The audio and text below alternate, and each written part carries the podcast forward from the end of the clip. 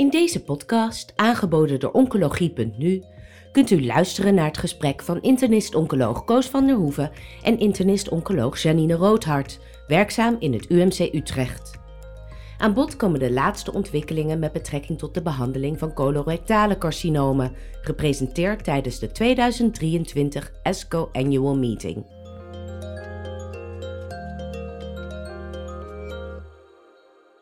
Colorectaal op de ASCO 2023 in Chicago. Belangrijke onderwerpen daaruit ga ik bespreken met dokter Janine Roodhart. Zij is internist-oncoloog in het Universitair Medisch Centrum Utrecht. Welkom Janine. Ja, dankjewel.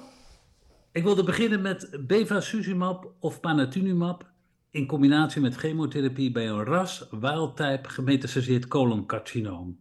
Um, is daar nog discussie over? Er was de Paradigm-studie die daar een antwoord op probeerde te geven. Wat kan je daarover vertellen? Ja, dat klopt. Ja, de, de Paradigm was, eh, was vorig jaar al gepresenteerd. En van de, op de ESCO was er een update eigenlijk van de biomarkerstudie. Wat de Paradigm-studie deed, dat is een gerandomiseerde fase 3 met ruim 800 patiënten. Waarbij gerandomiseerd werd tussen dubbele chemotherapie met bevacizumab versus dubbele chemotherapie met EGFR-remming. Nou, en wat de studie is voor linkzijdig ras wildtype tumoren. En wat ze daarbinnen zien, is dat er dan een overall survival winst is van nou, 3,5 maand ongeveer met een hazard rate van 0,81 ten gunste van EGFR-remming in de eerste lijn. Geen verschil in PFS, wel een groot verschil in diepte van de respons. Dat je met EGFR-remming echt een hele diepe respons krijgt. Nou, en wat ze nu laten zien in de, deze biomarkerstudie is dat als je patiënten nog beter selecteert, je eigenlijk nog meer winst hebt van die EGFR-remming. Ehm, ze laten hier de CT-DNA-data zien. En toch wel opvallend dat als je dan op CT-DNA-niveau kijkt, dat je toch nog 20% van de patiënten vangt die eigenlijk wel een RAS-mutatie of een BRAF-mutatie hebben. Nou, BRAF was vooraf ook niet getest op het weefsel, dus dat is niet zo gek. Maar je vangt toch ook nog wel een hele groep RAS-mutanten op ctDNA-niveau die niet op weefsel was. Nou, als je die patiënten excludeert, dus die 20% die toch mutant zijn, dan zie je dat er een zes maanden overall survival benefit is ten gunste van EGFR-remming. Dus ik denk als je patiënten goed selecteert en echt de groep waarvan je biologisch effect verwacht voor EGFR-remming, ja, dan is die zes maanden overlevingswinst natuurlijk wel een hele forse winst. Ja, en dat zou eigenlijk betekenen dat je dan een EGFR-remmer moet geven. Je noemde die uh, circulerende tumor-DNA-test op RAS. Ja. En uh, is dat iets wat, wat we ter beschikking hebben? Is dat iets wat je zelf ook doet? Of wat, wat we binnenkort in Nederland zouden kunnen doen? Nou, het is niet iets wat, uh, wat nu standaard gebeurt in Nederland uh, voor het coloncarcinoom. Het gebeurt volgens mij wel voor het longcarcinoom. Het zijn niet de moeilijke CT-DNA-testen zoals de CT-DNA-testen bij minimal residual disease. Dat zijn echt wel hele specifieke testen die niet in de gewone laboratoria lopen. Op zich CT-DNA naar RAS en BRAF, dat zijn geen hele ingewikkelde tests. Dus dat zou redelijk snel moeten kunnen. Denk ik wel nog de vraag, hè, wat is nog de gouden standaard? Hoe vaak ehm, zit het ernaast? En wat heeft nu gelijk, het CT-DNA of het weefsel? Ik denk dat die vragen wel nog goed beantwoord moeten worden voordat we het standaard gaan toepassen. Oké, het gaat om het linkzijdige coloncarcinoom. Is het voor het rechtszijdige coloncarcinoom anders? Ja, ik denk dat het daar zeker anders is. Um, in principe geven we het in Nederland niet voor rechtszijdige tumoren EGFR-remming, omdat dat uit verschillende studies um, en meta-analyses daarvan komt. Wat je wel ziet, ook in de Paradigm, um, in hun hyperselectiestudie, dat er best een groep rechtszijdige is als je die maar goed selecteert. Kijk, ze hebben gewoon veel vaker mutaties die resistentie geven. Als je dat er allemaal uitvangt, zou er best een groep rechtszijdige kunnen zijn die toch baat heeft. Maar die groep is wel heel moeilijk te definiëren. Dus algemeen gezegd is het veiliger om het bij rechtszijdige niet te doen, omdat de benefit uh, waarschijnlijk er niet is. En hoe zit het met het colontransversum? Ja, het is echt een overgangsgebied inderdaad. Er zijn ook best studies die kijken naar het colontransversum en dat die mogelijk wel wat benefit kan hebben.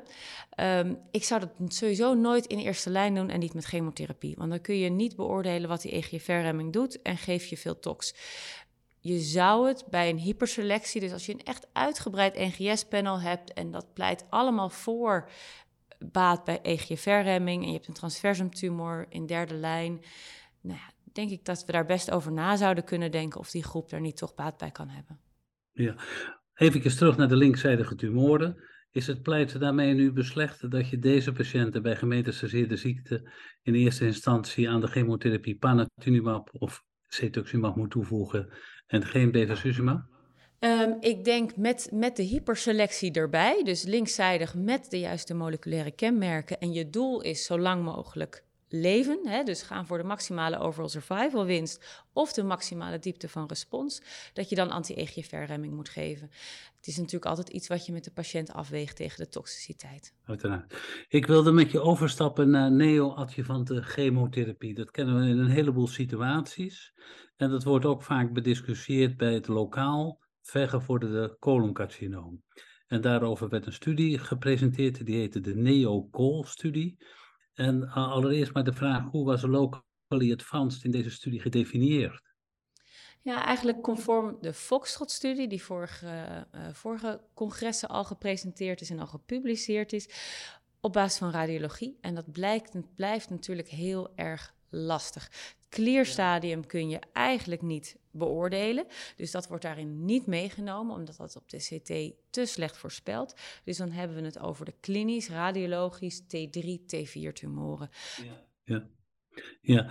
Uh, kan je iets vertellen over deze studieopzet? Ja, deze studie randomiseerde tussen primair chirurgie versus eerst neoadjuvante chemotherapie. Geen grote studie, hè? totaal maar 150 patiënten. Uh, ja, de, uh, excuus, 250 patiënten. Um, de Foxtrot heeft meer dan 1000 patiënten, dus dit is wel een vier keer zo kleine studie. Um, net iets anders qua opzet, qua neoadjuvante chemotherapie. Uh, Foxtrot deed zes weken en was hoofdzakelijk Volvox chemotherapie. Dit is echt een CAPOX-studie. En dan kregen patiënten drie kuren CAPOX, gevolgd door resectie. Dus het was resectie versus drie kuren CAPOX, gevolgd door resectie.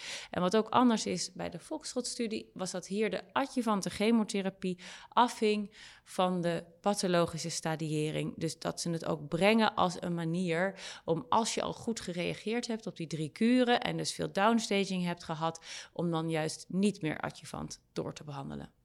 Oké, wat waren de uitslagen in... Uh in ziektevrije overleving, overall survival? Ja, eigenlijk dat er helemaal geen verschil zit tussen die twee armen. Dus disease-free survival, overall survival was exact gelijk. Uh, dus geen benefit, ook geen nadeel. Wat ze wel lieten zien was dat het veilig is, hè, niet meer toxiciteit, juist zelfs minder toxiciteit. Eigenlijk hetzelfde als de Foxtrot, wel opvallend, hè, minder naadlekkages, minder postoperatieve complicaties zal door de downstaging komen die ook gezien werd. Dus dat je eigenlijk ja. met neoadjuvante chemotherapie toch ook bij het colon de operatie wat makkelijker maakt. Wat vond je van de opzet dat ze bij die patiënten die dan bij uh, operatie pathologisch geen T3 hadden, geen klier hadden, dat ze de chemotherapie daar achterwege lieten? Ja, dat is natuurlijk best lastig, want het zijn ook de mensen die juist goed gereageerd hebben, dus misschien wel baat hebben. Dus dat, dat is ja. moeilijk hoor. En of dat nou bijdraagt aan dat er geen verschil gezien wordt in deze studie, terwijl bij de Foxtrot wel um, er significant verschil was ten gunste van de neo-adjuvante groep, wat betreft disease-free survival, en hier niet. Uh, wat ze hier zien is dat overal de groep minder chemotherapie heeft gehad in de neo-adjuvante groep, omdat die gewoon minder vaak de adjuvante kuren kregen. Uh, nu is dat nu wel anders, omdat dit nog de setting was van zes maanden chemotherapie. Dus dan gaven ze drie kuren capox en dan zou je anders nog een hele periode daarna gehad hebben. Ja, voor ons zou het nog maar één kuur capox daarna zijn. Ja, ja. Um, hoe, hoe, moet je dit nu duiden? Is dat, eh, zijn de, de studie die je eerst genoemd hebt en deze studie, is dat nou aanleiding om bij patiënten toch vaker ook in Nederland een neoadjuvante chemotherapie te geven als je radiologisch denkt dat het een T4 of hoger is? Ja, dat denk ik wel. Ik denk dat we van deze studie vooral echt nog de publicatie af moeten wachten. Want hij was ook nog niet helemaal qua matuur qua event. En ons realiseren dat het echt een kleine studie is. Uh, maar ik denk dat beide studies gewoon laten zien dat het veilig is, dat je downstaging hebt en dat je de operatie ook gewoon makkelijker maakt. En ik denk zeker voor die T4-tumoren dat dat echt winst is. Sterk argument om dat toch te overwegen. Ik wilde met je de overstap maken naar immuuntherapie. Over immuuntherapie bij het colorectale carcinoom hebben we de afgelopen jaren heel veel gehoord als het ging over ehm, MSI-tumoren. Maar daarbuiten was het eigenlijk allemaal teleurstellend. En toch hebben we gezien dat er verdere pogingen gedaan worden om bij de niet-MSI-tumoren toch ook chemotherapie met immunotherapie toe te passen. En er werd nu een studie gepresenteerd die eh, de ATESO-tribe-studie heette. En dat was een heel intensief schema, vol Foxiri plus bevacizumab en dan met of zonder atezolizumab. Uh, kan je iets over deze studie vertellen? Welke mensen konden er nou meedoen en wat was de uitkomst? Ja, dat klopt. Het is een gerandomiseerde fase 2-studie. Niet een hele grote studie, 218 patiënten. En um, daar mochten zowel MSI als MSS tumoren in, waarbij de participatie MSI-tumoren nou, wel een beetje is wat je verwacht, hè, ongeveer 6%, dat is een beetje de, de, de frequentie van voorkomen. Um, wat je daarin eerder al zag, is dat je denk ik de studie overal als negatief moet beschouwen. Hij haalt wel zijn primair eindpunt. Er is een significant PFS-verschil, maar dat is maar zes weken. Dus dat vinden we echt een te klein verschil. En als je ook kijkt naar de subgroepen, ja, dan wordt dat verschil echt bepaald door enerzijds die MSI-groep van 6%. En anderzijds, en dat is denk ik het interessante van deze studie, dat ze binnen de MSS-tumoren een groep kunnen identificeren die baat lijkt te hebben van de immuuntherapie. En dat is dan de high tumor mutational load en de immunoscore high groep. Ja, daar verwacht je het natuurlijk ook best van. Maar het is mooi dat ze dat hier zo kunnen laten zien. En die immunoscore high groep is best een grote groep. Dat was toch nog 30% van de MSS-tumoren. Uh, uh, ja, die lijkt uh, echt wel gevoelig te zijn. Dan heb je het over een hazard rate van 0,4 eh, voor het toevoegen van e- atezolizumab versus alleen de chemotherapie met bevacizumab, wat toch een heel groot verschil is. Uh, dus daar willen ze ook mee door met die subgroep. Dus ik denk dat dat mooi is om uit zo'n fase 2 de subgroep te halen die benefit lijkt te hebben. En dat je de studie als geheel niet moet toe gaan passen, maar dat je in gaat zoomen op deze subgroep. En daar willen ze dan een gerandomiseerde fase 3 voor doen. Vraag is denk ik wel, is daar echt inderdaad, en je zei het al, een heel intensief schema, moet daar echt Volvoxiri B bij? Of is daar in feite de immuuntherapie genoeg? Of zou er ook een milder uh, chemotherapie schema bij kunnen? Moet dus nog verder onderzocht worden. Wil je nog iets zeggen over die immunoscore? Wat, wat is dat? Dat is een biomarker, maar wat meet die? Ja, het is een biomarker en dat is best wel een lastige. Dat was ook wel een kritische, terechte vraag, denk ik, uh, toen de studie gepresenteerd werd uh, vanuit het publiek. Ja, de immunoscore is niet vrij toegankelijk. Hè? Dat is de immunoscore van Gallon. Uh, die heeft hem ontwikkeld. hij voert hem uit. En het is niet een algemeen beschikbare test die in elk lab uitgevoerd kan worden. En er zijn nu ook, dat was de kritische vraag, die zei van, nou ja, hij gaat ermee stoppen. Um, dus wat ga je dan doen? Nou, ze gaven ook wel aan zelf naar eigen testen willen kijken. Want dat gaat natuurlijk om gewoon het identificeren van het immuuninfiltraat. Dat kan waarschijnlijk best op verschillende manieren. Maar dan zul je dat wel eerst moeten valideren, ook in deze set. En kijken hoe je die groep kan identificeren. Ja, want het gaat om CD8 en PD-L1-positieve cellen rondom de tumor. Hè? Op het, daar gaat het om. Ja. Maar goed, nou interessant, maar, maar nog niet rijp voor de uh, toepassing in de dagelijkse praktijk.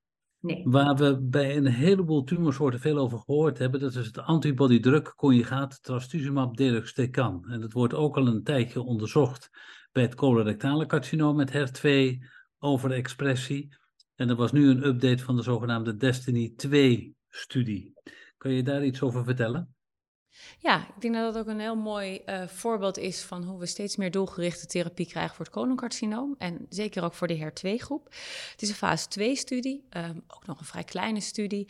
Uh, bij patiënten die toch wel zwaar voorbehandeld waren. 80 patiënten met mediaan 3, 4 lijnen en 70% eerder al EGFR-remming, 25% al eerder HER2-remming. Dus echt een zwaar voorbehandelde groep. En dan vind ik de responsen ja. echt wel indrukwekkend. Overal 36% responsrate.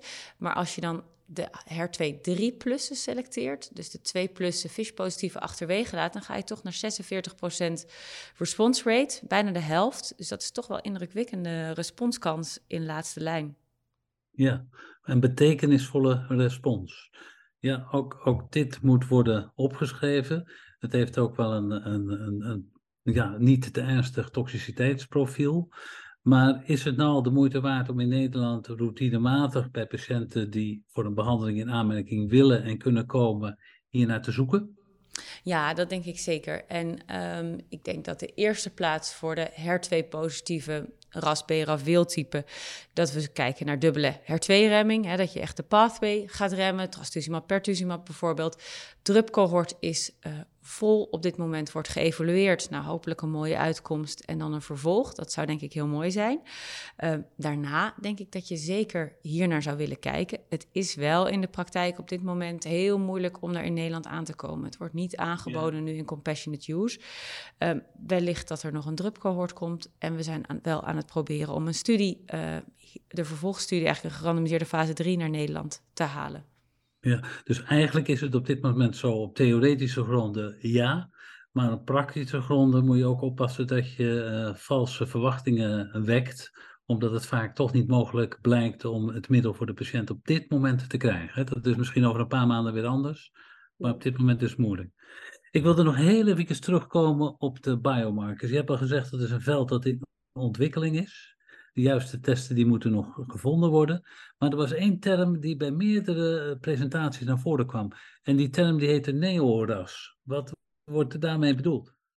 Ja, dat is inderdaad een, een, een vrij nieuwe term. En ik, ik ben ook benieuwd uh, nou ja, hoe, hoe waar dit fenomeen is. Maar wat ze ermee bedoelen is dat een tumor rasmutant was en dat die raswildtype geworden is.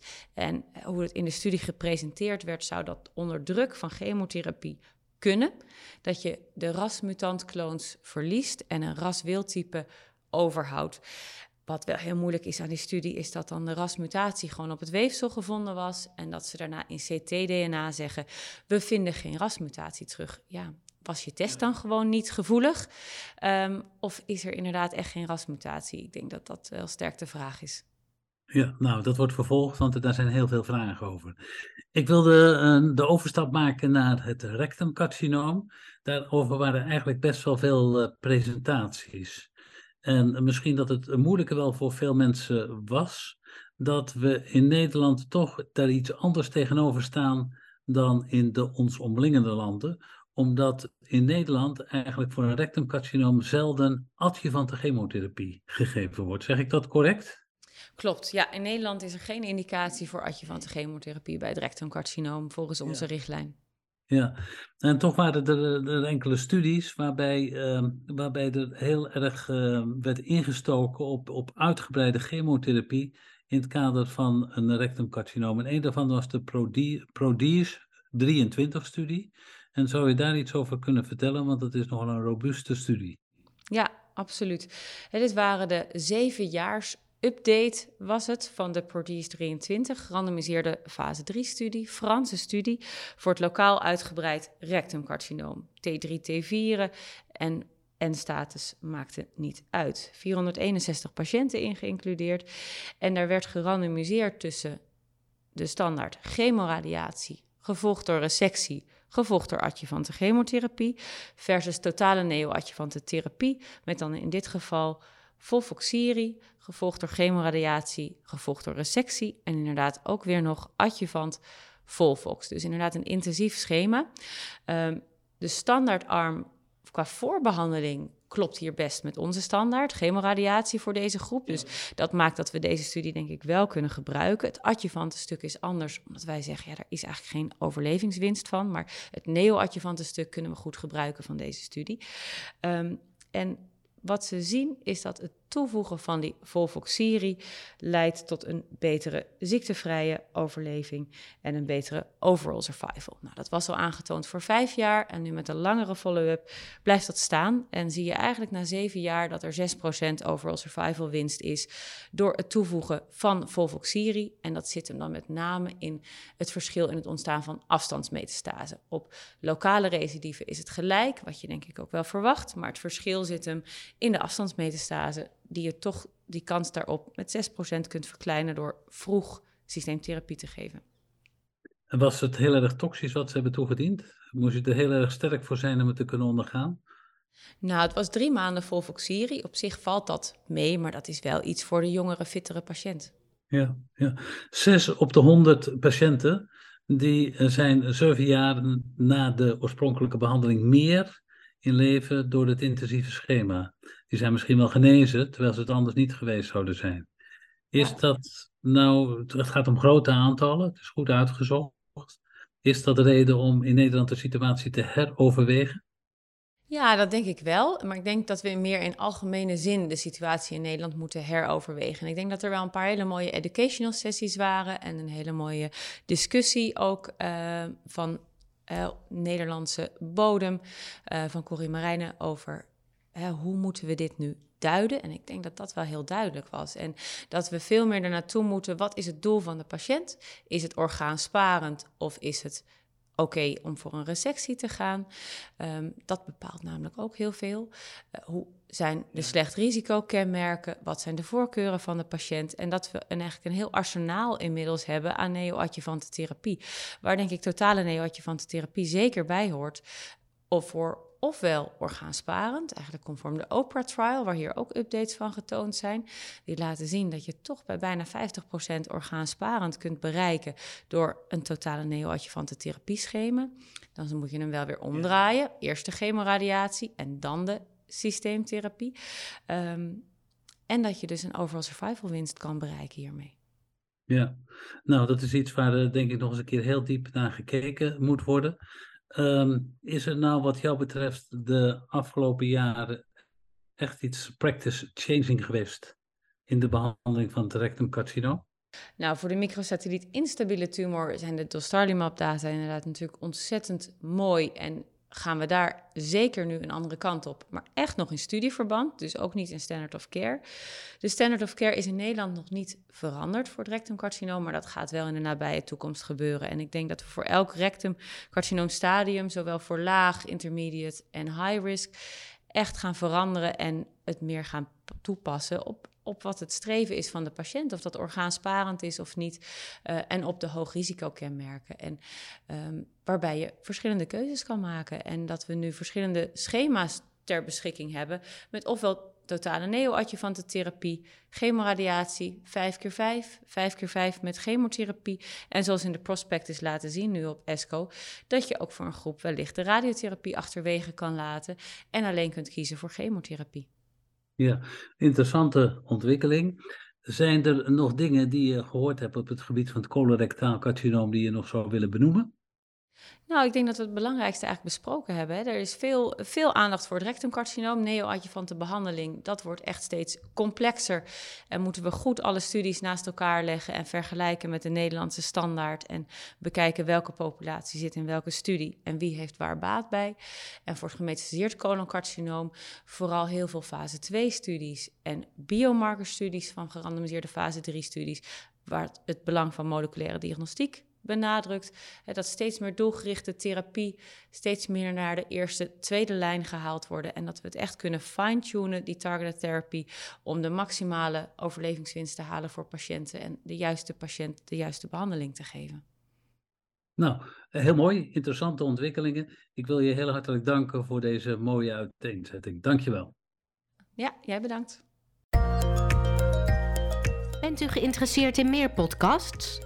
Deze zijn te vinden op de website oncologie.nu.